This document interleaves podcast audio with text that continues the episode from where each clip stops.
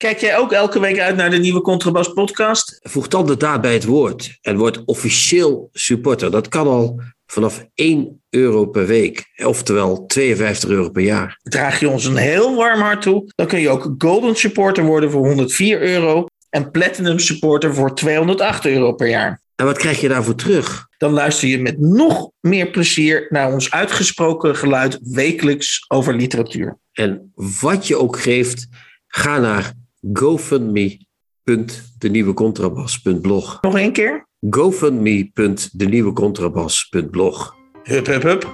Hup.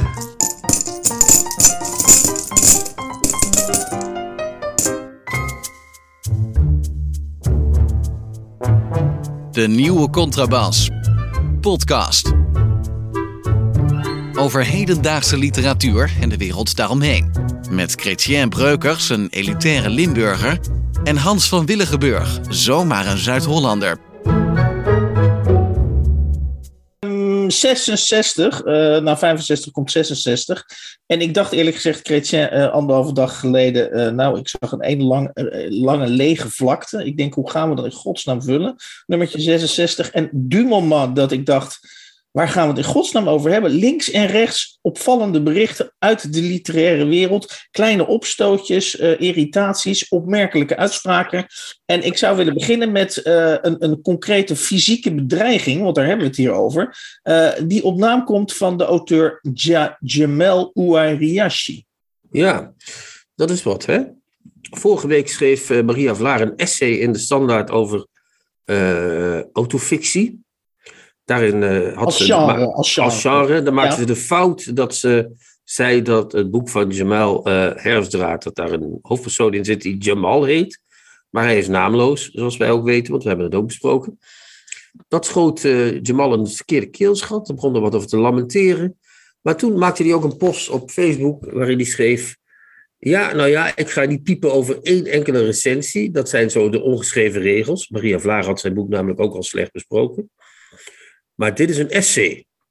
En godverdomme man, als je totale lulkoek over mijn boek schrijft... bijd ik je halsslagader uit je fucking lijf. Rot op. Ik hoef me zulke shit niet te laten welgevallen. En ik vind dat recensenten die consequent onderpresteren met pek en veren uit de boekenbijlagen moeten worden weggejaagd. Is me gelukt met Janet Lewis. Nu de rest van de idioten nog.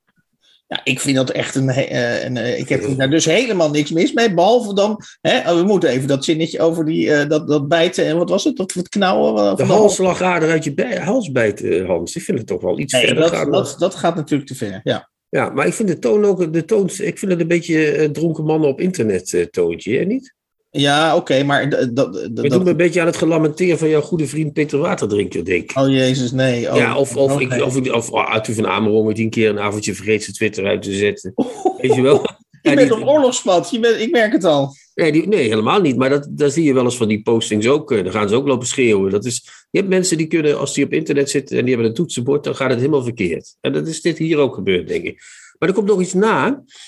En dat is dat de ombudsman van, eh, van de Standaard, die hebben ze blijkbaar ook. Oh, de ombudsman. Ja, er is altijd een, ombudsmens. Nee, de hoofdredacteur Ja. zelfs, Karel Verhoeven heet die man blijkbaar. Eh, die zegt dat, eh, die heeft het over agressie tegen journalisten.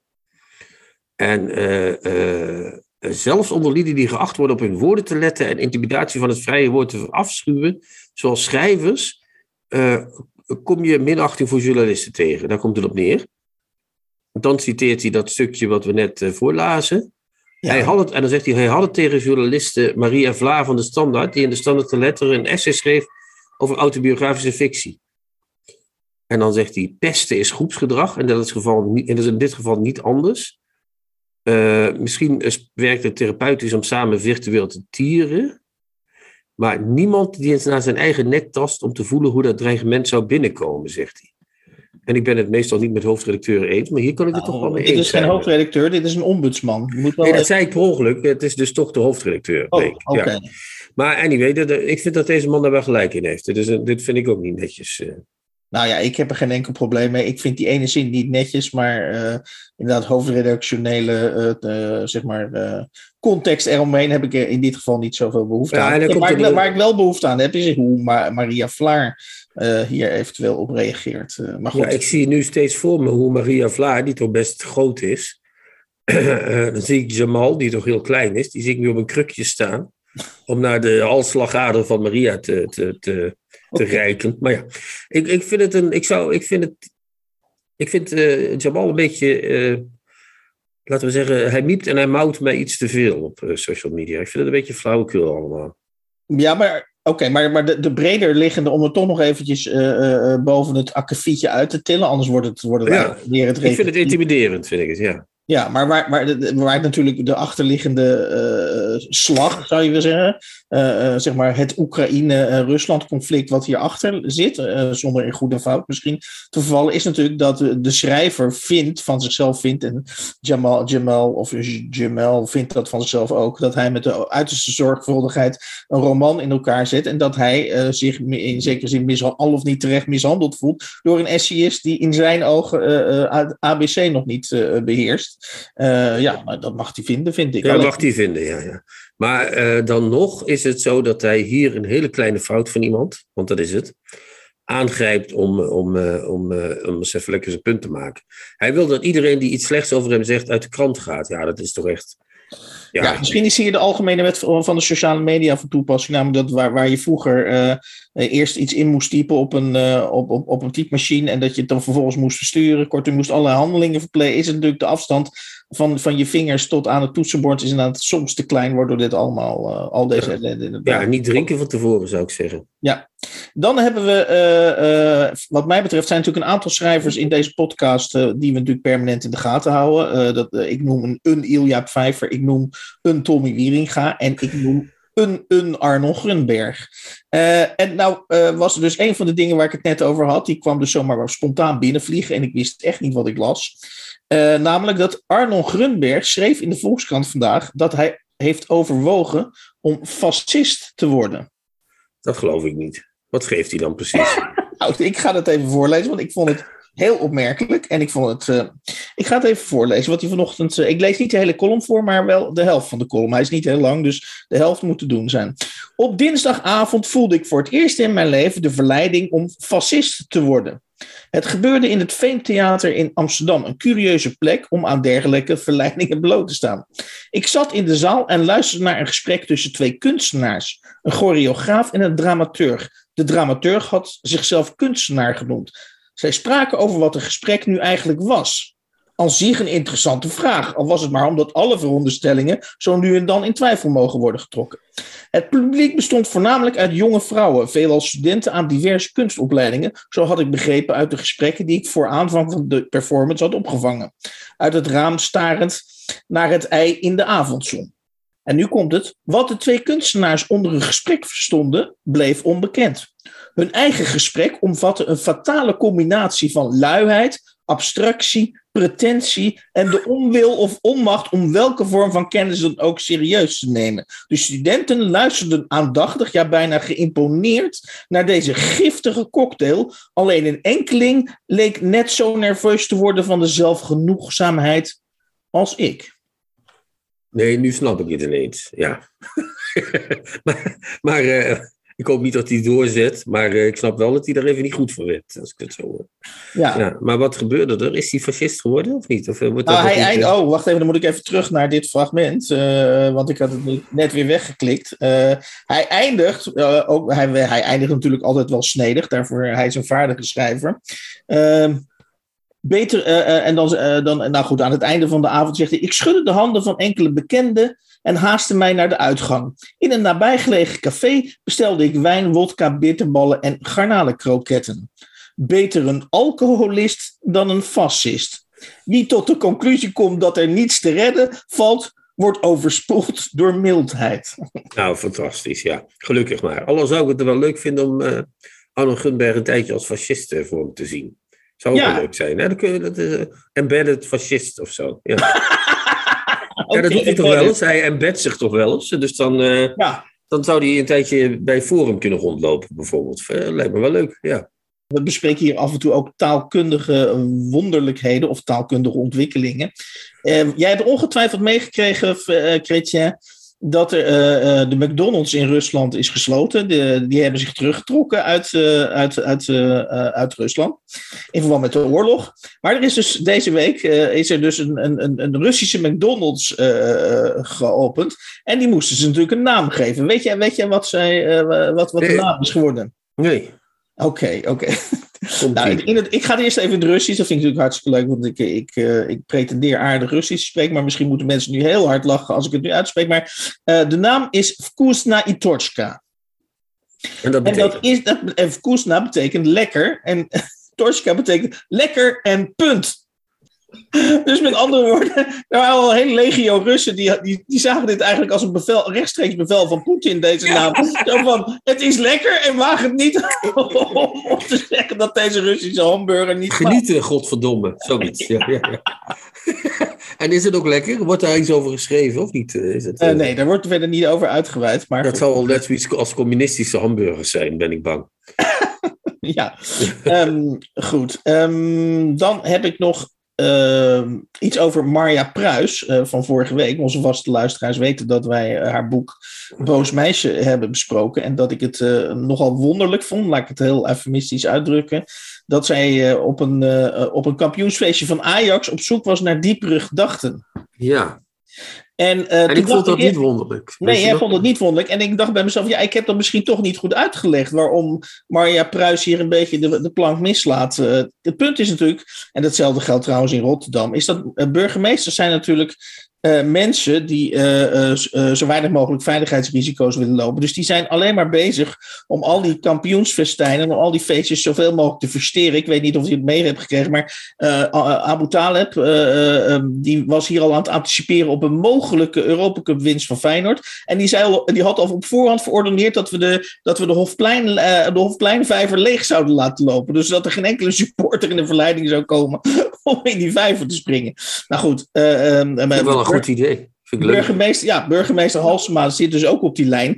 En uh, ja, als zij dus, uh, als er gescholden wordt, ik zal het uh, woord niet herhalen, ja, dan is dat, heeft dat dus heeft, volgens mij heeft dat dus niks te maken, want Abu Talib betreft dus het, hetzelfde lot, heeft dat dus niks te maken met haar gender, om het, om het maar even in, de, in de thematiek van vanavond te zeggen. Maar gewoon met het feit dat zij een, een, een strenge burgemeester is. Ja, ik snap het wel, maar mij ging het om de achterliggende vraag, namelijk waarom schelden mannen voor hoer en niet voor trut of voor uh, bitch of voor... Uh, er zijn genoeg, je kunt de hele trom, moppentrommel opentrekken, maar waar, hoer zeg je op het moment dat je machteloosheid het grootste is. En dat, okay. dat wilde ik vorige week zeggen. Oké, okay, oké. Okay, dus dat was niet om jou terecht te wijzen, om, om te zeggen dat die fans mm -hmm uh, semiotisch geschoold zijn, of dat die daarover nadenken. Maar dat, dat, ja, ook erin, semiotisch maar dat, geschoold. Ja. Maar dat de, de vraag die erachter ligt. Ik zie een aparte supportersvereniging, uh, de semi semiotisch geschoolde Feyenoord supporter. Ja. ja, de leuze, het vak de leuze. Zeg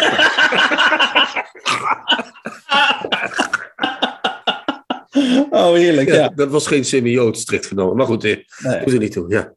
Even een open vraag aan jou. Een flaptekst. Uh, is dat, is dat, vind, vind jij een, een, belangrijk onderdeel van een boek? Uh, uh, kun je er iets aan aflezen? Ik weet bijvoorbeeld dat jouw laatste boek, Praag aan Zee, geen flaptekst heeft. Nee, dat doet Mark niet. Vleugels niet. Die heeft alleen maar één zinnetje achterop staan. Ja. Uh, maar wat lastig, moet ik zeggen. Ja. Wat, want je bent zelf ook uitgever geweest. We zijn allebei ex-uitgevers, Christian. Ja, maar ik zal mezelf niet graag uitgever noemen. Maar goed, oké. Okay. Oh ja, dat, ik heb wel eens wat uitgegeven, ja. Oké. Okay. Maar is een flaptekst, hoe kijk je ernaar? Is dat belangrijk voor een boek, denk jij? Nou, mensen die niet weten wat ze moeten kopen, die kunnen overgehaald worden door de flaptekst. Maar ik zie dat steeds minder, moet ik zeggen. Op de... Het nut ervan, het nut bedoel je? Nou, ik zie ook steeds minder mensen in de boekenwinkel echt, echt in de boekhandel echt kijken, lezen op die dingen. Iedereen heeft van tevoren toch wel al informatie over dat boek gehad.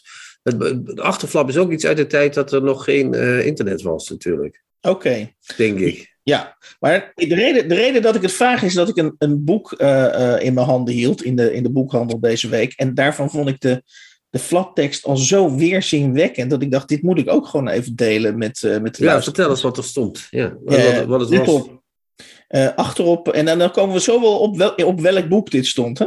Mm. Het is een verhaal over hemzelf, een tobbende veertiger, maar ook over Europa, dat hij beter wil begrijpen. Gaat het over Pieter, of niet? Pieter water drinken? Nee, toch? nee, nee, Oh, Oké. Toby Lachmaker. Wat Ja. ouder geworden. nee, ook niet. En, dan- en dan ben ik al helemaal afgehaakt, maar dan lees ik toch nog op mijn laatste, op mijn laatste benen of op mijn laatste eh, restje energie lees ik dan verder. En dan, dan eindigt deze fla- flaptekst. Er is in Europa geen volk te vinden dat niet van elders komt. We zijn allemaal migranten, schrijft hij. Teunissen zoekt zulke kaarten van Europa. Verhalen die tonen wat we delen. Die tonen wat we delen. Ja, en dat dan uit, uit, uit, uit het hoofd van een, eh, van een tobbende veertiger. Maar wa- wa- wat, wat, wat, eh, Teunissen dus heet hij blijkbaar. Ja, dit, dit is, dit is, dit Het is oh, Jeroen Teunissen. Ja, ja, Jeroen ja. Teunissen met, met, het, met het boek Ik is cartograaf. Oh ja, hij, hij heeft een soort midlife crisis en dan gaat hij... eh, ja. Ja. ja, ja, ja. Daar heb ik een interview op eh, Nooit meer slapen mee gehoord, volgens mij. Ja, en waar, waarin die 57 minuten wat mij betreft helemaal niets zijn. Maar goed, Eh, eh, Het was wel een redelijk graag interview, ja, dat weet ik nog. Daar kon je wel goed op slapen, ja, ja inderdaad. Ja, maar goed, ja, maar, maar dat, dat is inderdaad een flaptekst uit de hel. Ja, dan maar liever geen flaptekst. Ja. Oké, oké. Dan tot slot nog even een, een, een prangende vraag van mij naar jou. Laatste vraag. Ehm, ik zag dat jij gepost had een, een, een, een, jouw productie, de- jouw boekenproductie van de afgelopen, ik denk vanaf 2013 of 2014. 14, ja. Ik zag een heel stapeltje eh, liggen. Ja, dat ik dacht van, kijk, je had het net over het social media gebruik van Jamal Ouariashi. ja. Eh, dit, jouw, jouw, jouw bijdrage valt natuurlijk helemaal in het net, hè, eh, daarbij vergeleken. Gewoon een stapel. Ik bijt niemand de strot af. Ja, bijt niemand de strot af, maar toch dacht ik, wat zit hierachter om dat allemaal op te stapelen? Eh, nou, is- eh, ook in mij, eh, Hans, schuilt een Jan van Mersberg. Ik ben ook een Ilja. zeg maar. ik, ben ook, ik ben ook iemand die denkt, ik heb ook wel eens wat geschreven. Ja, zo gaat dat gewoon. Ja? En, nou, en ik dan wil was- je dat stapelen, dan wil je dat op elkaar leggen. Dan wil ik dat eens even lekker stapelen. Dan ga ik dat stapelen op volgorde. Hè? Alles op, op chronologische volgorde. Nee, niet op kleur. En dan ga ik. ja, dat, dat deed het ook een beetje om mezelf op te peppen. Ik wil een nieuw boek schrijven, dus ik denk. Oké. kan, weet je wel. Oké, ja, ja Niet je kan het. Maar het zit een soort ijdelheid in, dit is waar. Ja, ja, ja, maar het was dus een beetje Obama, eh, yes we can, inderdaad. Ja, en ook een beetje van. eh, een beetje, toch een beetje eigen, eigen pijperij. Ja, het is heel lelijk eigenlijk, maar het is wel zo, ja. ja. Maar we moeten het ook nog over Prometheus hebben, Hans. Oh ja, dat vergeet ik bijna. Ja, we gaan jij wel wel afronden, maar we moeten nog even, want we weten er nog niet alles van. Maar vandaag is eh, een, ontluikend, een ontluikend, mogelijk ontluikend schandaal. een Ja. schandaal in wording eventueel. Hoe zeg je dat? Eh, er stond vandaag, eh, want het zou morgen in de Volkskrant komen, een artikel van Gijs Beukers, bekend van de, het profiel van Marcel van Roosmalen. Hè? Een reportage, ja. Ja, en de, de man van de reportage. En Esma Linneman, die ik niet ken, maar dat, die hebben daar samen aan Ah, die heeft een aparte antenne voor het, eh, voor het, eh, voor het MeToo. eh, Oké, die is dus ja. medewerker Die, die is fulltime, fulltime bezig met het MeToo-dossier. Nou, en die, die, heeft een, die hebben samen een stuk gemaakt. Dat heeft als titel Oud-medewerkers schetsen angstcultuur bij Prometheus. Dat is een uitgeverij dus. En dan als ondertitel Hij schreeuwde, wat ben je nou voor debiel? Nou, en in dat... Ja, nou, dat is natuurlijk niet, le- niet leuk om dat te horen als je daar werkt. nee. Maar Ja. in dat stuk wordt eh, eh, een heel eh, verhaal geschetst van Mai Spijkers, de uitgever van Prometheus, die we allemaal kennen. En waar iedereen al 25 jaar over zegt dat dat een enorme rouwdouwer is, om niet te zeggen onbeschofte hork. Eh, maar nu is dat blijkbaar ineens een soort nieuws, dus ik ben heel benieuwd. In het stuk wat ik gelezen heb staan wel akelige dingen, want hij zegt bijvoorbeeld, er werken hier geen dikke mensen. Dat is de reden waarom jij en ik waarschijnlijk de enige mensen in Nederland zijn die nooit bij Prometheus gewerkt hebben. Sorry dat ik het even zeg. En, eh, maar eh, eh, er worden ook wat eh, misselijke opmerkingen tegen mensen gemaakt. En hij probeerde een meisje van de, van de, van de receptie van een jaar of 18 te versieren. Dus het is geen fraai portret. Maar ja, het is zijn eigen zaak, zou je kunnen zeggen. En je hoeft er niet te gaan werken. Maar er komt morgen of overmorgen nog een stuk van eh Ronit Palach, die daar negen jaar gewerkt heeft als eh, PR-hoofd en als PR-medewerker eerst. Mhm. En die eh, gaat denk ik dieper op de materie in. Dus, ik- dus er is nog een eh, relletje in wording, maar ik ben heel benieuwd wat zij gaat doen. Want iemand die negen jaar daar gewerkt heeft, die moet toch aardig wat kunnen verhalen, zeg maar. Maar wat vind je, wat, wat heb jij nou als je zoiets leest? Wat denk je dan? Ja, dan denk ik, uh, uh, wat ik dan denk is, uh, Ronit Palaj en Esma Lindeman, die komen elkaar tegen. Dat zijn vriendinnen van elkaar en die gaan op grond van de publiciteitsgolf van MeToo, gaan die eens eventjes met elkaar in conclave. Ja, wat vinden we nou eigenlijk, hoe dat bij, bij Prometheus is gegaan? En ja, dan, dan, dan ga je dus daar een project van maken en dan ga je alles eens een beetje verzamelen. Dit, dat, zus, zo, opgeteld, opgeteld. Ja, dat is misschien toch niet zo'n heel vrij, vrij klimaat bij, bij Prometheus. Terwijl dat natuurlijk, dat weet je natuurlijk nooit, dat kunnen wij ook niet weten. Maar ja, dat kunnen kleine, hele kleine krentjes in een hele grote zee zijn, uh, dat weet je niet. Nee, want ik zie bij Kim van Keken, uh, dat is een journalist volgens mij. Ja, van Vrij Nederland. Die zegt, ik worstel wat met dit verhaal. Ja, de werkgever lijkt me een zak, maar is er sprake van structurele misstanden? Op meerdere redacties gebeurde en gebeuren dit soort zaken. Ook bij DPG Media. Dat is volgens mij waar de Volkskrant van is, toch? Ja. ja anyway. En daar staat wel een ont onthullend iets in. Dat moeten we wel even meenemen. Dat kunnen we nu wel meenemen. Namelijk Amy Koopman, die bij ons eh, besproken ook is. Die zegt daar. vriendin van de show, vriend. Ja, ja, ja, die zegt daar door die twijfel en vanwege mijn grote waardering voor alle andere aspecten van Prometheus bleef ik, terwijl mijn eerste, tweede, derde, vierde redacteur vertrok. Maar zo verandert daar niets. Na een recent gesprek met Mai, waarin hij aangaf dat hij nu eenmaal zo is, heb ik besloten te gaan. Dus zij gaat wel weg. Of heeft al besloten om weg te gaan. Dus er hangt al een sfeertje oh. van uh, we gaan er vandoor allemaal. Op weg naar Prometheus 3.0? Ja, een afgeslankte versie. Want hij houdt niet van dikke uitgeverijen ook. Tips van de week. Boeken, artikelen of pamfletten die boven het maaiveld uitsteken op dit moment tussen mijn vingers. Uh, ik kan het nog net uh, tussen mijn vingers houden. een dikke, dikke pil uit Amerika. Uh, luisterend naar de naam Detransitie Baby, geschreven door Tori Peters. Ja. En dat is een roman over de transgender gemeenschap, of speelt zich af in de transgender gemeenschap in New York. En ja. één, ding, één ding is zeker, onze eminente krant, de NRC, die vinden het echt een heel bijzonder en belangrijk boek. Het boek van het jaar, Hans. Van vorig jaar, weliswaar. Persus, jij zei over dit boek een jaar geleden: dit is het boek van het jaar. Wat maakt het zo goed? Is het de thematiek? Is het het verhaal? Is het de, nou ja, gewoon de stijl van Tori Peters? Of een combinatie van al deze factoren. Of een combinatie van al deze factoren. Of is het gewoon het thema, die transgenderwereld in New York. Of die transgenderwereld in het algemeen. Want zoveel is daar nog niet over geschreven in literatuur. Nee, ja, het is, het is de combinatie van uh, humor, tederheid, uh, ongelooflijke rijkheid aan observaties. Heel gedetailleerd en, um, en, en scherp over wat er gebeurt tussen mensen die, die uh, van elkaar proberen te houden of een familie willen vormen. Wat er gebeurt uh, tussen genders, tussen mannen en vrouwen, of ze nou trans mannen zijn en vrouwen of cis. Mannen en vrouwen. cis is dus als je overeenkomt met het geslacht dat je bij geboorte is toegewezen. En dan die, die soort van soapy setting.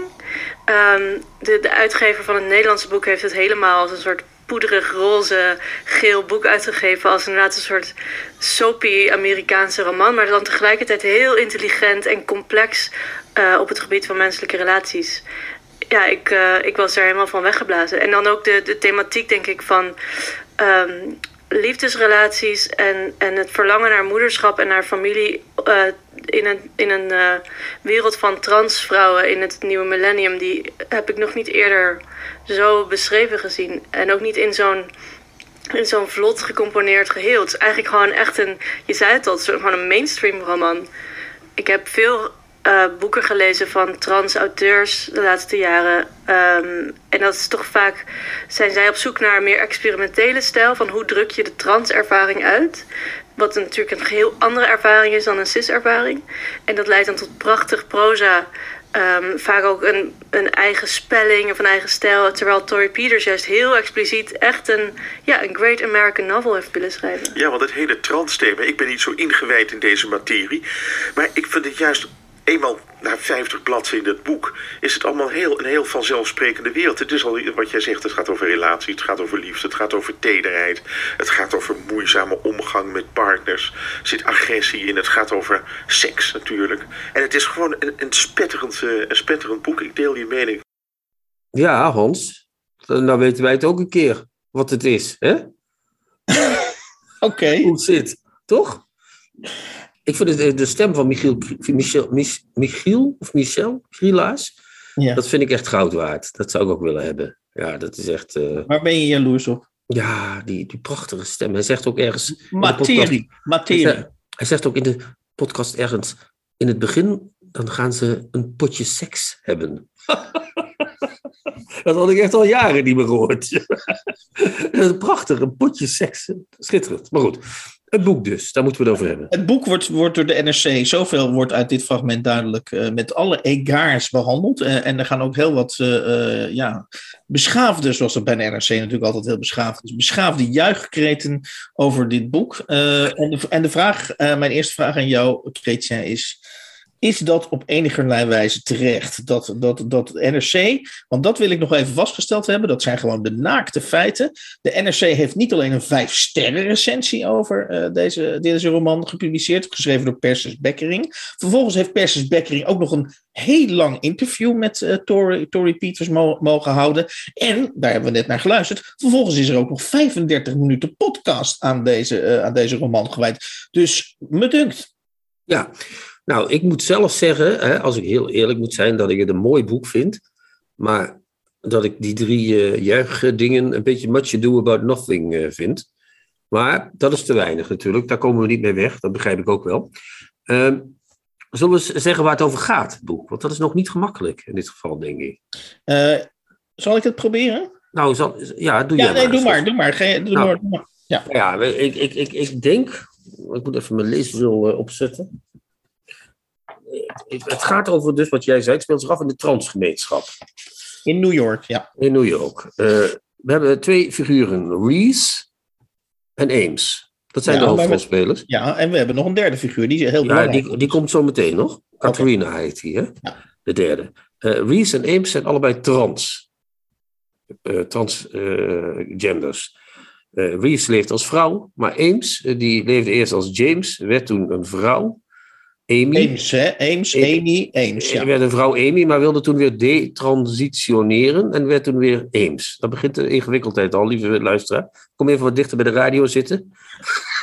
Anders eh, zijn jullie dadelijk de draad kwijt. Reese en Ames go way back. Hè? Die hebben een relatie gehad. Eh, maar dat ging uit toen eh, Reese vreemd ging, maar ook toen Amy weer als man wilde gaan leven. Dat was ook niet echt, dat hielp ook niet mee. Eh, Amy kreeg toen iets, Amy werd weer eh, kreeg iets met Catharina en maakte na de transitie Catharina zwanger. En Maar terwijl hij zelf in de veronderstelling verkeerde dat, dat hij... steriel zou zijn, want dat wordt je van die hormonen schijnt dat zo te zijn. Maar dat was dus net niet gelukt.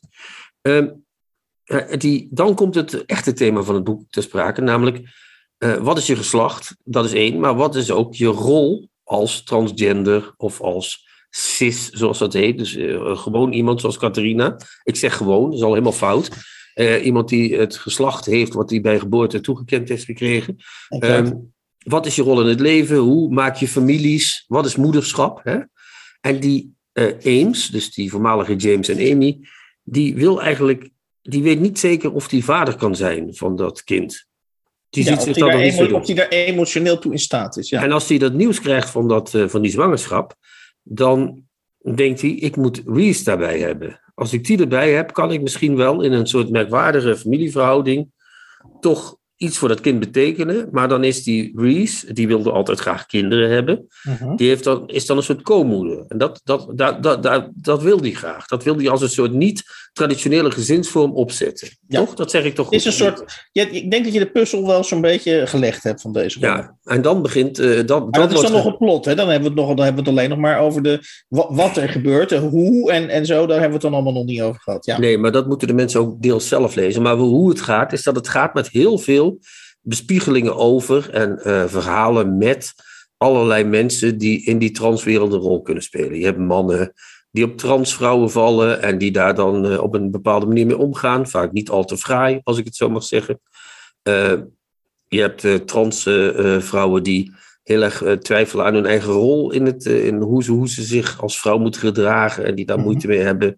Hè, dat, al die opmerkingen over seksualiteit, over seksen, komen allemaal eigenlijk in dat boek terug, toch? Nou ja, ik, ik zou bijna zeggen, als je het zo formuleert, eh, het is eigenlijk een, een, een, het hele boek is eigenlijk een, soort werkgroep over transgender eh, zijn en transgender ouderschap misschien ook wel.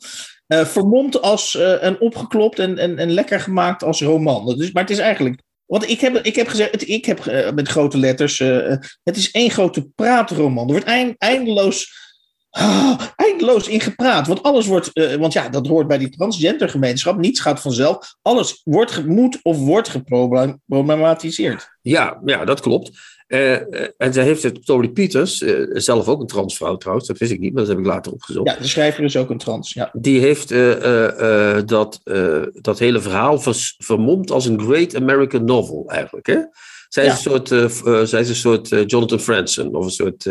Daar wordt ze Eh. mee, heel veel mee, is ze inderdaad in de kritiek heel, mee- heel veel mee vergeleken. ja, die gebruikt ook en- thema's die in zijn, hè? vegetarisme, et cetera, et cetera. Ja, en wat, waar- wat ik van Franson weet en gelezen heb, en waar, waar, wat, de, wat de overeenkomst eh, valide maakt, of de, de vergelijking, is dat, dat het allebei hele, en dat viel me ook in dit boek, het is heel Amerikaans, het is heel naturalistisch. Al, al, al- alle soorten gedragspatronen worden onder de loep genomen en worden teruggevoerd naar Dat familierelaties. deed me ook aan Updike denken, een beetje. Oh man, maar Ja. dat ik echt bijna dacht van jongens, soms doe je iets gewoon, weet je wel. Ik werd daar, ik werd daar wel lichtelijk... eh, Ja, ja ik, dat heb ik ook. Ja, ja. Maar, maar wat ik wel opvallend vind, en dat zegt eh Persis Bekkering, zegt dat in die podcast. Die zegt dat er heel veel kritiek is gekomen op dat wel, wel eh, written novel.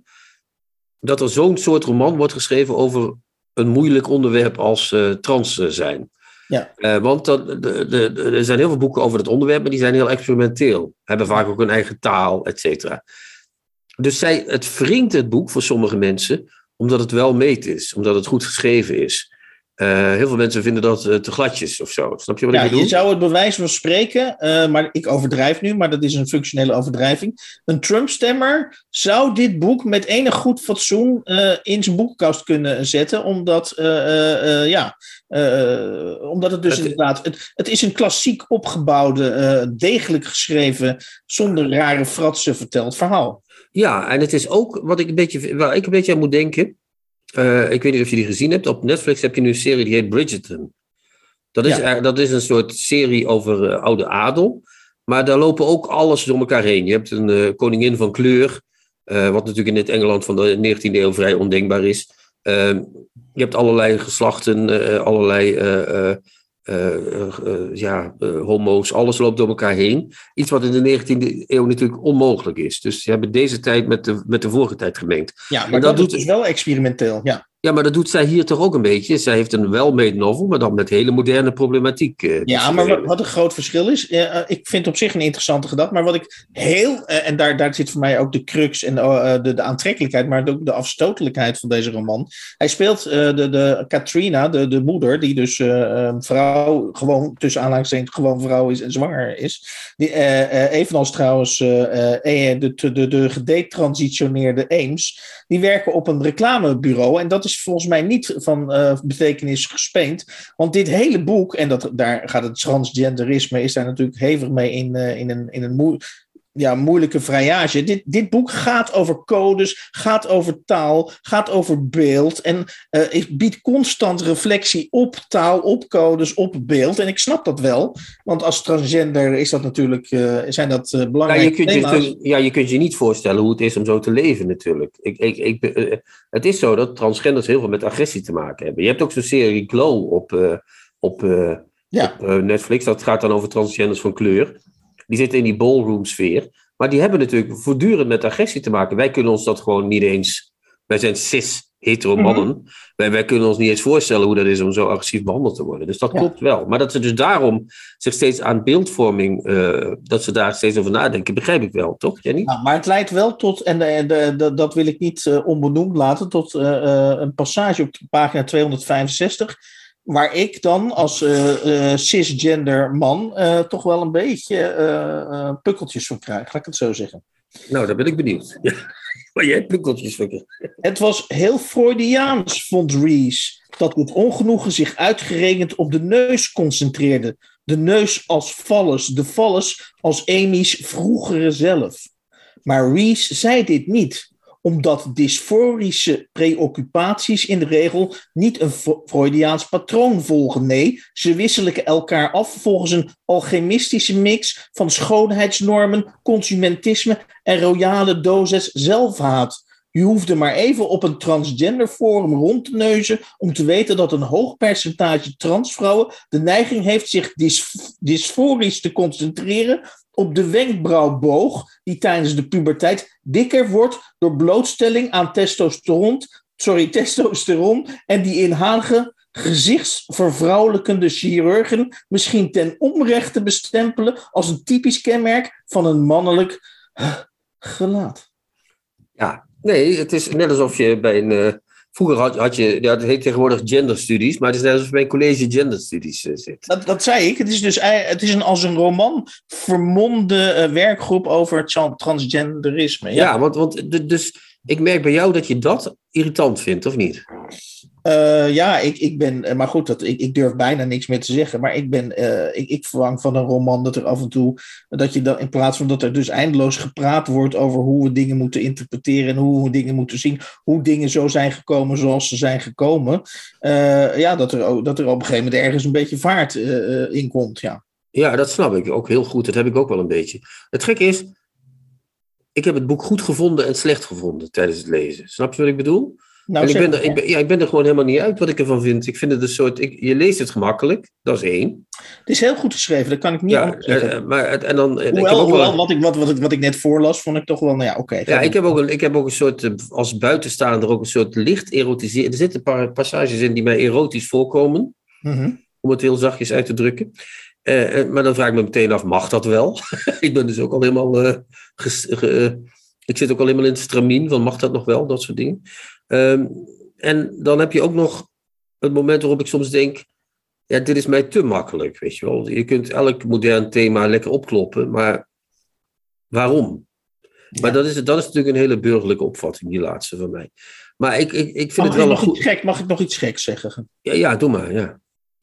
Ik heb het idee dat de oorlog in Oekraïne niet alleen over territorium gaat, maar ook over eh, misschien de angst eh, dat eh, de wereld die in dit boek geschetst, angst voor de wereld die in dit boek geschetst wordt. Nou, ik denk eerder dat het dan is dat... Ja, ik denk Poetin is, is denk ik de, de, de, hier de transgender dan. Hè? Dat zie je ook een beetje aan het gezicht. Dat is helemaal aan het veranderen. Hè? Daar zit een soort testosteron... of hoe heet dat? Pre- Prednison eh, hoofd heeft hij gekregen. En eh, dat is de ridder die verliefd is op, eh, op, op, op de... Nee, hij is verliefd op de ridder, Zelensky, maar die kan hij niet krijgen. Nee? Ga je al met me mee? Ik zie je nog niet ja knikken. Nee, Oké, ja, ja. En dan moeten die met bommen en granaten en met raketten, dat is natuurlijk de vallers, gaat hij die aanvallen. Hè? Valt hij die aan, Zelensky, maar dan kan hij hem nog niet krijgen. Dus dan is het een soort, ook Ja, oké. liefdesverhaal aan het worden. ja Maar, jij, maakt, jij maakt van, het, van de oorlog zelf eigenlijk weer een transgender sprookje nu. ja, nu zijn het twee mannen die, die met elkaar in de weer gaan. Maar, maar, maar ja, het zouden ook. Nee, het zijn geen transgenders. Dat kunnen we er echt niet van maken, denk ik. Nee. Nee. Maar, maar het wel een soort homoseksuele, homoseksueel roman- schimmenspel. Dat wel. Wie zou deze roman eerder lezen? Zelensky of Poetin, denk je? Nou, ik denk Poetin wel hoor. Ja, Ja? die vindt dat wel interessant, denk ik. Ja, ja. Poetin lijkt me wel een kinky randje te hebben, jij niet? Denk ik wel. Oké, oké. Ehm, eh, goed, wat mij betreft gaan we naar het slotoordeel. maar dat, jij hebt het slotoordeel deels al gegeven, want je vindt het en een goed boek en een slecht boek. Of toch? Ja, ja dus ik, ik weet niet zo goed wat ik ervan moet vinden, dus eigenlijk. Daar komt het op neer. Mhm. Ik, ik weet het gewoon niet. Nou, wat ik, Ik wel vind het niet een belangrijk boek of zo. Ik heb niet dat ik dit lees, dit is nou echt een Ja, belangrijk zo, boek. werd, zo werd het door de NRC wel gepresenteerd. Ik, eh, tot slot wil ik nog één ding delen. Maar vind jij het een belangrijk boek?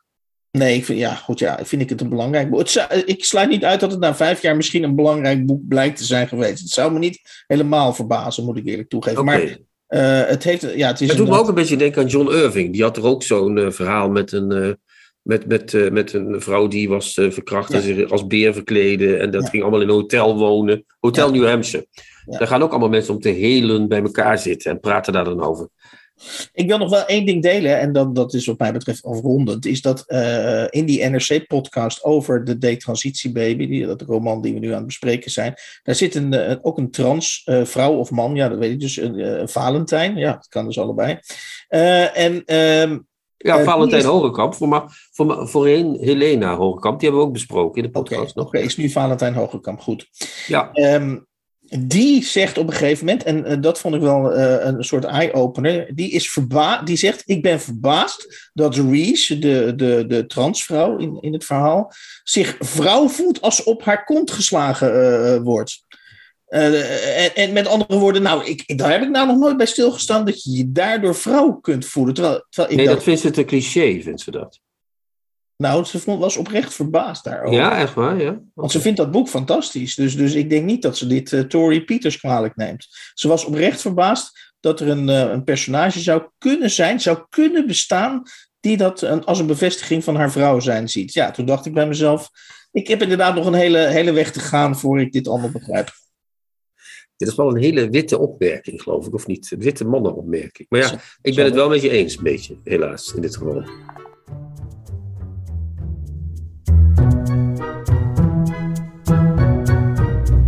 De nieuwe Contrabas. Podcast. We hebben een gast in de nieuwe Contrabas podcast, Arie Pos, uh, officiële biograaf van Gerrit Komrij. Uh, op 23 juni verschijnt er van hem een boek, een soort appetizer, denk ik, Arie, of niet? Van de grote biografie. De wording van Gerrit Komrij gaat het boek heten. Een biografisch portret. Ja, nou ja, een, uh, een appetizer voor de grote biografie.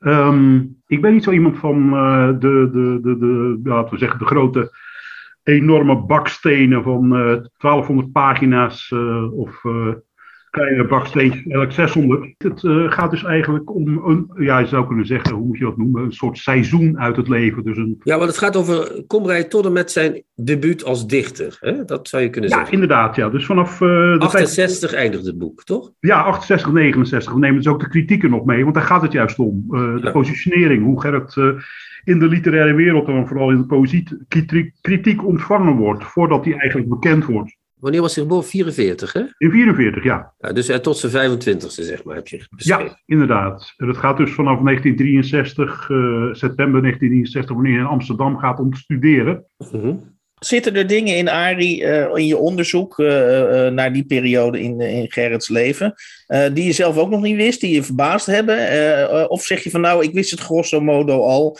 hoe zijn leven eruit zag? daar ben ik benieuwd naar. Nee, het is juist zo dat ik eigenlijk voor, ja, ik ben, ja, dat is ook misschien nog wel belangrijk om te zeggen, want ik had het net over die seizoenen. Kijk, dit is dus een gedeelte 1963 en 1968 waar ik er niet bij was, zal ik maar zeggen, als Mhm. biograaf. Ik was in 1968 tien. Um, en ja, mijn contact met Gerrit en dat ik Gerrit regelmatig ging lezen, dat is van zo'n acht of tien jaar later. Dus dat, dit is een periode waar ik uh, zelf niet bij was, maar waar ik dus ja, wel Gerrit over gehoord en gelezen heb. En ja, ja er zijn ook verschillende publicaties geweest natuurlijk. je hebt ook dat schrijversprentenboek van Arno Blom over Gerrit ja. Komrij natuurlijk. En Verwoest Arcadië natuurlijk. Ja, ja dus het fabel die dat Komrij heet. Maar ja, wat, wat ik eigenlijk uh, zag, dat er, er was dus veel meer biografisch uh, materiaal van Gerrit zelf. Ja, maar ik, ik, ik moet zeggen dat ik, uh, ik heb het boek gelezen. Het is er nog niet, maar ik heb de, de bestanden gelezen. En ik, ik, ik stond te kijken van, het is 63 tot 68. Het leek wel uit de prehistorie, sommige verhalen die ik las. als ik dat zo mag zeggen. Mensen die bijna geen kamer konden krijgen. Nou, nu wordt er over woningnood gesproken, maar toen was het toch nog veel erger als ik het zo zag. Maar ook over Komrij zelf. Ik wist wel dat hij met een vrouw naar Griekenland was verhuisd ooit. Nou ja, jij moet dat misschien even ons daarheen doorheen leiden door die jaren. Maar het is allemaal toch opmerkelijker dan ik dacht. Ja. Uh, nou, dat denk ik ook. En het, is, ja, het mooie is dus dat Gerrit zelf zoveel genoteerd heeft. ehm, dus wanneer hij dus met die vriendin van hem... ja, hoe heet het ook alweer? Ellen, Ellen Jonkers. Ja. ja. Dus, een meisje wat hij had leren kennen in het, ja, eigenlijk op zijn zwerftocht door Amsterdam. Hij, uh, ja, als we dan eventjes gaan beginnen. Uh, hij heeft dus eerst uh, met zijn boezemvriend uit Winterswijk is hij naar Amsterdam gegaan. Die boezemvriend Jan Jaap Sorber ging theologie studeren en Gerrit ging Nederlands taal en letterkunde studeren. Bij de grote stuiveling, hè? of was het ook alweer bij? bij... Ja, Jan Jaap Sorber had, zijn vader was dominee. En zij konden dus via een vriend van, die, van dominee Sorber, konden zij in het AMVJ-gebouw terecht. Dus dat was een christelijke, het gebouw uh, voor christelijke jongeren. Een soort de Nederlandse YMCA was dat eigenlijk. Hè? En uh, daar, heeft, daar heeft Gerrit dus het eerste jaar gezeten.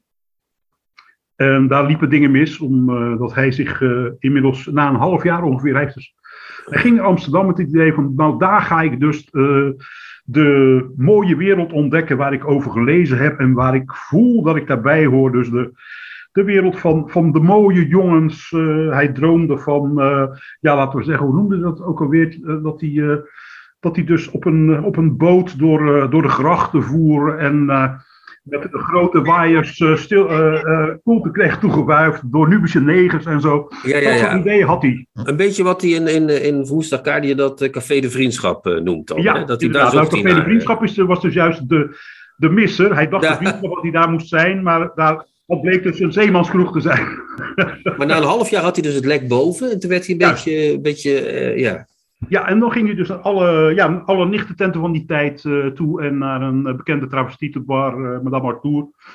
En dat vond hij allemaal hartstikke leuk, maar hij nam ook allerlei Amsterdam, Am- Amsterdamse mier mee naar zijn kamer.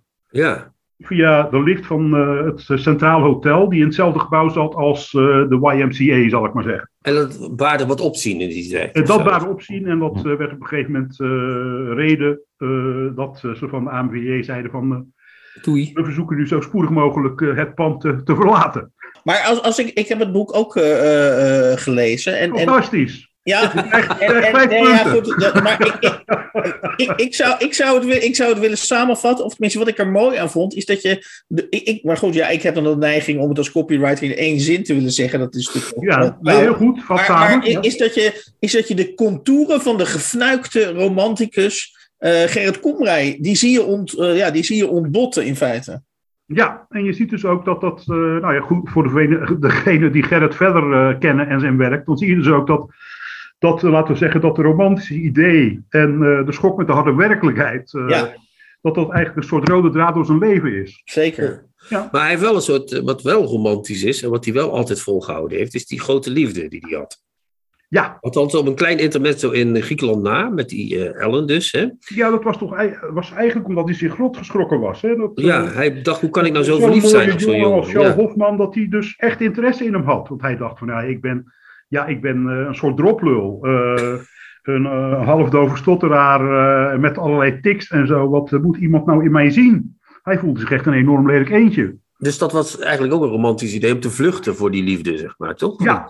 Ja, nou, er zat nog wel bij dat, dat Charles dus, eh, die was toen, ja, laten we zeggen, priester in opleiding bij de Oosters-Orthodoxe Kerk van de Syro-Galdeeuwse su- successie. maar dat was ook een of andere oplichter of zo, hè, die gast, of niet? Eh, Eh, ja, dat was een heel merkwaardige man. Dus de, Ja. de, de, de, de vader Serapion, de- dat, dat, was eigenlijk wat, wat eh, later blikken bisschop zijn gaan noemen. Hè? Dus iemand die een, eh, ja, eigenlijk een bisschopstitel verwierf die ja, eigenlijk helemaal niet officieel erkend was. En waarvan op een gegeven moment zelfs, hij zei dan dat hij onder de Oosters-Orthodoxe kerk van, van Antio Antiochië viel. En dan ging een eh, Rotterdamse journalist, tenminste de, journalist van het keurige gereformeerde dagblad De Rotterdammer, ging eh, dus eh, het hoofd van die kerk schrijven. En die schreef keurig terug van, nou, we weten helemaal niks van ene pater, pater Serapion.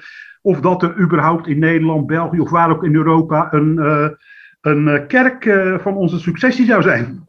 Ja, fantastisch. Ja, maar dat, ging dus, dat ging gelukkig niet door, want daardoor kon die liefde geëffectueerd worden. Maar ja, in- Gerrit heeft eigenlijk eh, Charles uit, eh, uit de handen van eh, vader Serapion gered. Ja, ja. Ja. maar in je boek zou je kunnen zeggen, in die eerste fase van het leven van Komrij, die die je beschrijft, eh, legt hij nog meer eh, contacten voor het leven, zou je kunnen zeggen, behalve met Charles natuurlijk. Hij leert ook eh, Theo Sontrop kennen, die zich als een soort eh eh, literair agent voor hem opwerpt. hij werkt dan nog niet bij Meulen of, of bij de Arbeiderspers, maar bij een andere uitgeverij. Ja. Eh, maar die werpt zich een beetje als agent op en hij leert Martin Ros kennen, wat natuurlijk voor hem niet onbelangrijk is, want daar begint zijn vertaalcarrière, toch? Ja, zeker. En het is ook zo dat, uh, nou ja, Theo Sontrop, dat, dat vind ik ook opmerkt. Dat had ik ook niet gedacht. Ik, bedoel, ik wist dat Theo Sontrop een hele belangrijke man in Gerrits latere leven was. Maar dat hij eigenlijk een soort coach van uh, Gerrit is geweest uh, de eerste jaren. Vooral voor zijn debuutbundel. dus jarenlang Gerrit met raad en daad terzijde heeft gestaan en heeft gezegd van joh die gedichten, dat zou ik niet doen. En ik zou daar wat anders aan doen. En ik zou er nu een paar publiceren. En opvallend je... goede adviezen had, hè, trouwens. Heel ja. goede. Ja, maar ja. hij was ook een uh, geweldige poëziekenner. Hè? Dus, ja, dat is waar. Uh, ja. was een uh, heel belezen man. En heeft trouwens zelf ook hele leuke gedichten geschreven. Ook Weet ik, ja. in, ja, je zou zeggen, eigenlijk in een, een vrij zeldzame lijn in Nederland. Waar Gerrit dus later ook invalt. Ja. Je hebt zelfs regeltjes in Gerrits vroege gedichten, dat, dat, dat, dat hoor je Theo Sontrop gewoon zeggen. Ja, dus Theo was eigenlijk de Louis van Gaal uh, voor, voor de spits uh, Gerrit Komrij. Dat zou je kunnen zeggen, ja. En ja. Martin Dors was in eerste instantie eigenlijk gewoon de, dik de man die zei van ja, als die jongen wat wil vertalen. Ze hebben hem dus, uh, Martin Ros zei dat later ook een keer van die vertaling die ze hem op Kreta, toen Gerrit op Kreta zal toesturen. Dat was Auf de Marmoorklip, een, uh, dus een buitengewoon... Een onbetaalbaar boek. Ja, en uh, Martin Ros zei later ook van ja, dat was gewoon ons vaste ding. Als we een vertaler Duits uh, zochten of als iemand kwam die zei ik kan goed uit het Duits vertalen, was hup. We gooien de die meneer er tegenaan. En nou, Gerrit ja. maakte er niks. En had hij, hij, had niet eens een woordenboek bij zich op Kreta. Ja. ik dacht, wat heb ik hier aan mijn visa? ja. Een vraag, toch... die, een vraag die ik nog heb is, is, is het boek eindigt, dat, dat hebben we in het begin al gezegd, het boek eindigt uh, eigenlijk vlak voordat hij dus daadwerkelijk gaat, gaat publiceren. Uh, was dat voor jou een natuurlijk einde van dit, van dit, de, van dit boek? Want ik, ik kan me ook voorstellen, nou, nu gaat hij publiceren, dan wordt het echt spannend. Maar nu moest je dus, het idee was dus dat je nu moest stoppen. Dat, dat is trouwens waarschijnlijk de reden dat, dat Chrétien een appetizer uh, noemt. Dus mm. het echte werk moet nog gaan beginnen. Wat, vond je dat een, een raar einde of had je zelf ook zoiets van, hier moet het stoppen? Nou, um, als je dus kijkt naar, uh, ja, als je dus gaat kijken naar wat zijn de, de vormingsjaren van Gerrit, mm -hmm. dan is dit een, denk ik een natuurlijk slot. Dus het moment dat hij eindelijk zijn dichtbundel gepubliceerd heeft en dat er gereageerd wordt en dat hij zich ook zelf, uh, want dat is ook belangrijk, dat is veel te weinig uh, gezien. Dat Gerrit dus zelf ook allerlei ideeën had over die gedichten uit die debuutbundel van hem. En dat hij daar ook een lezing voor gemaakt had waarin hij eigenlijk heel duidelijk aangeeft wat de voorbeelden van hem waren. Want hij is experimenteler dan je zou zeggen. Hè? Dat is het rare. Hij is nog een soort experimenteel schrijver in die beginjaren, toch? Ja, ja. en uh, dat is uh, in de periode voordat, uh, eigenlijk voordat die werkt aan de gedichten van, van zijn debuutbundel, is dat nog erger. Dan, dan is hij echt een beetje vijftigerachtig aan het schrijven. En daar zie je nog een paar dingen van in, in de vijfde afdeling van um, Maarten de Kolom. Dus de, de, de, de lange uh, ongerijmde gedichten, zal ik maar zeggen.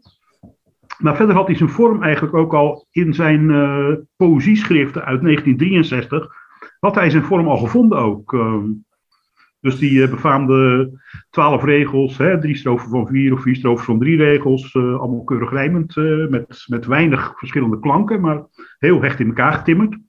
Dat had hij eigenlijk al heel vroeg voor elkaar. Wat, wat is voor jou, laten we zeggen, voor, voor, de, voor de mensen die uh, naar deze podcast luisteren en die fan zijn van Komrij. Waarom vind jij, uh, ik, ik, ik, probeer je een verkoopargument natuurlijk af te troggelen. Ja. Uh, waarom mogen zij dit, dit, dit boek niet missen? Nou, omdat het eigenlijk een andere Gerrit Komrij laat zien. Een Gerrit Komrij die ze helemaal niet gekend hebben op deze manier.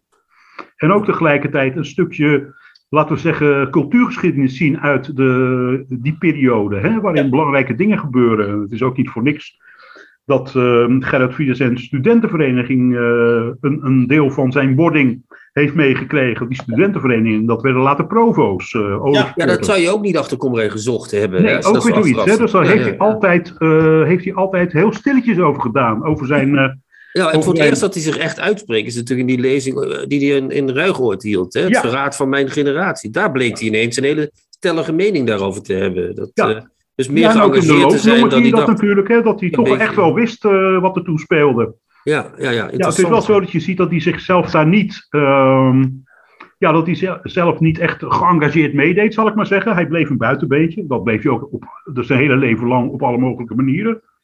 Maar hij wist wel zeker eh, wat er aan de gang was. Ja. En heb je nou, suggereer je nou echt dat hij prostitutie heeft bedreven? Of las ik dat verkeerd? eh? Suggereer ik dat? Nou, nee, ik geloof niet dat hij, dat hij dat zelf zegt. Dat zegt hij, hè? Ja, dat zegt hij Ja. zelf, ja? Dat, Ja. Is, dat is dus zo. Hij heeft zich... Nou ja, of dat zo is, dat. eh, kijk, het is ook zo dat hij later zegt in hetzelfde dagboek van. Eh, waarom schrijf ik al die dingen op en wat, wat, wat overdrijf ik nou? Al die, al die seksuele escapades en zo, en mijn verliefdheden. Het waren dingetjes die misschien een paar uur of een halve dag duurden. Oké, ja, we Maar weten goed, het dus eh, niet. als je ziet, dus in, in, en dat is ook een belangrijk aspect, eh, als je, laten we zeggen, als homoseksueel geïnteresseerd bent in hoe het toen was in 63, 68, dan is het boek ook interessant. Want je kunt dus zien dat dat ook niet makkelijk was voor hem om uit de kast te komen en uit de kast te blijven, zal ik maar zeggen. Nou, en ook dat je dus begrijpt nu dat het moeilijk is, of niet moeilijk, maar dat het niet ondenkbaar is dat je dan je hele leven zo buitenstaander blijft. Dat je dat voelt in ieder geval, als Ja. je zo begint. Ja, dat het maar. iets, iets Ja. is wat je dus vanaf het begin af meekrijgt doordat je anders bent. Ja, Nu, precies. Het is natuurlijk sowieso dat, dat anders zijn is bij, bij Komrij niet alleen zijn homoseksualiteit. Het zijn Nee. ook al, al- allerlei andere dingen. Hij voelt zich ook in de literatuur anders. Hij voelt zich anders eh, in de manier waarop hij naar de wereld kijkt. Eigenlijk, eh, ja, hij zegt ook wel eens, eh, heeft wel eens gezegd ook dat hij het idee heeft dat hij van een andere planeet komt. En, eh, Eh, je, hebt, je, hebt de je, hebt de verwachting, je hebt de verwachtingen al een beetje getemperd voor de grote biografie. Want je hebt al gezegd, als ik je goed citeer, van ik ben geen biograaf die dikke pillen van 1200 pagina's gaat afscheiden. Dus dat gaan we niet verwachten van je. Eh, Mhm. Maar eh, kun je al een tipje van de sluier lichten van, van het tijdschema eh, wat er wel eh, klaar ligt? En, eh, nou, in wezen eh, moeten er dus meer seizoenen komen. Als je dus die term gebruikt van, nou, dit is dan zo'n duidelijk afgescheiden seizoen. ja. Zo zijn er andere periodes in eh, het leven van Komrij eh, die ik eh, aan, het, eh, ja, laten we zeggen, aan het uitschrijven ben. eh, en daar moeten ook eh, boeken van komen, inderdaad. Dus het wordt een seizoenen. Het wordt, het wordt geen klassieke biografie, maar een seizoenenreeks.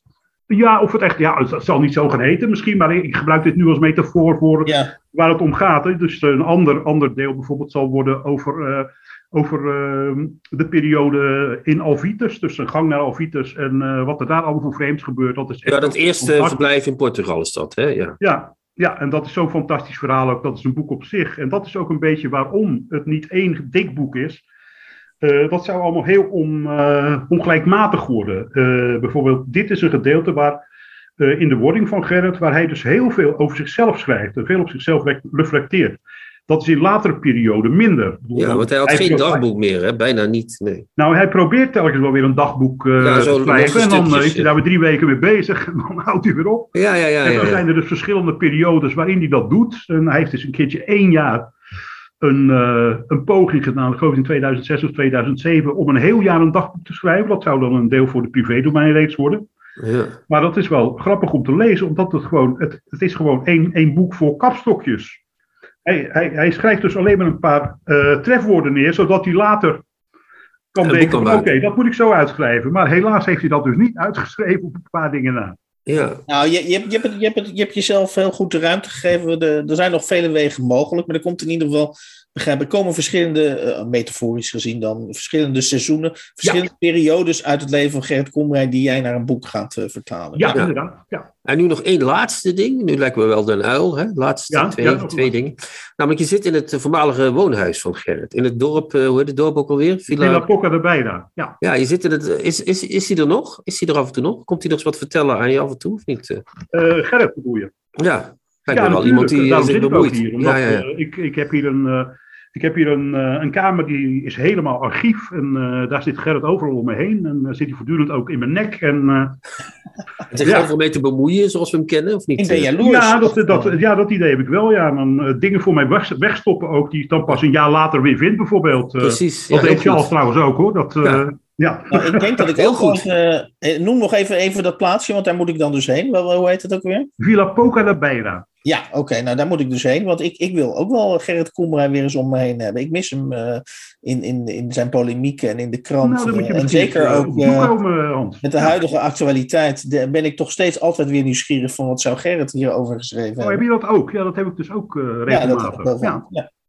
En ook van, waarom is er nou niemand die dat stokje overneemt? Dat Precies. ook zoiets. Ja. Ja. Ja. Nou, ja, denk je dat de NRC een nieuwe Gerrit Komrij aanneemt? Ik denk het niet, eh, eerlijk gezegd. Nou ja, dat is tegenwoordig, dat, dat is ook natuurlijk weer zo. Dat, het ligt allemaal tegenwoordig wat gevoeliger. eh. Ja. Maar goed, dat heeft Gerrit natuurlijk zelf ook gemaakt, meegemaakt met eh, professor Dr. Teuna van Dijk. Maar Ja, ja, ja. Dat was tijd, ja, eigenlijk, ja, ja, we leven nu weer in een soort, eh, ja, een herhaling van die tijd natuurlijk. Eh, nee, daar zou Gerrit inderdaad En een, en ook een nog last veel krijgen. ergere, ja, ja, ja. Ehm Gerrit zei een keer tegen mij, als er iemand een leuk stuk kan schrijven, wordt hij tegenwoordig niet meer aangenomen in de krant. Ja, nou, dat, eh, Dat is wel zo natuurlijk. Daar Ja, zit ja. inderdaad wel wat in volgens mij, ja. Ja, oké. Zeer bedankt, Arie, voor je Heel bijdrage. graag gedaan. En we elk seizoen eh, halen we even terug. Prima.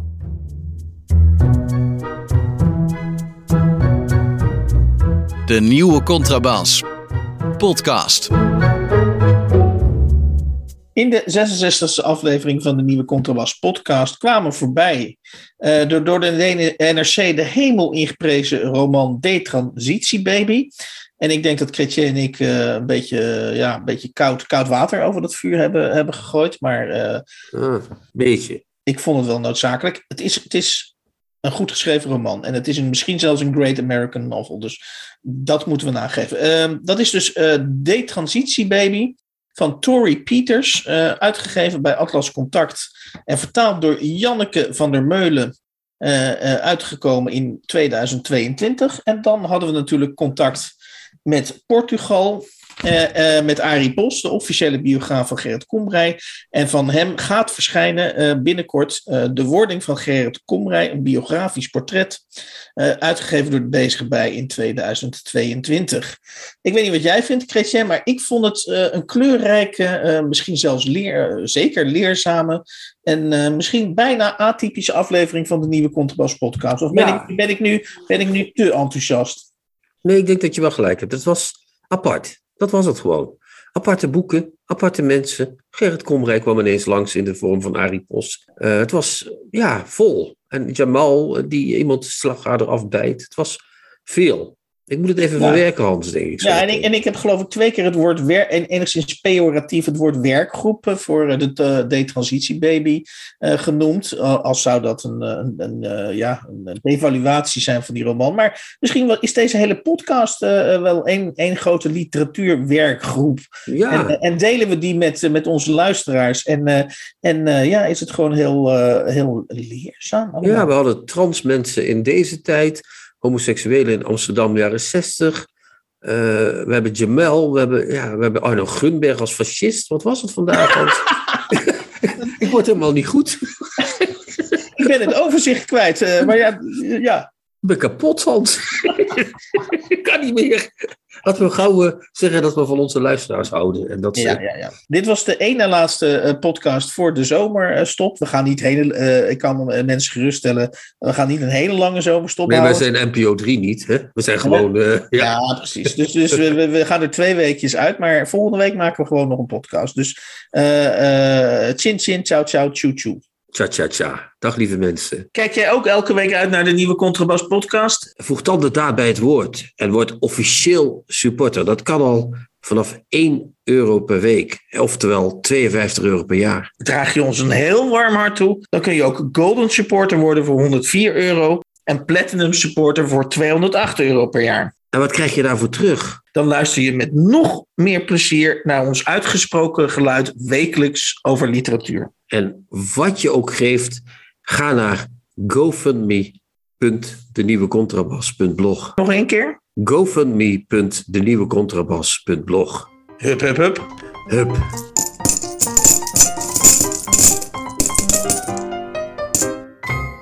De nieuwe Contrabas podcast wordt gemaakt door Chrétien Breukers, Hans van Willigenburg en Erik Lindenburg.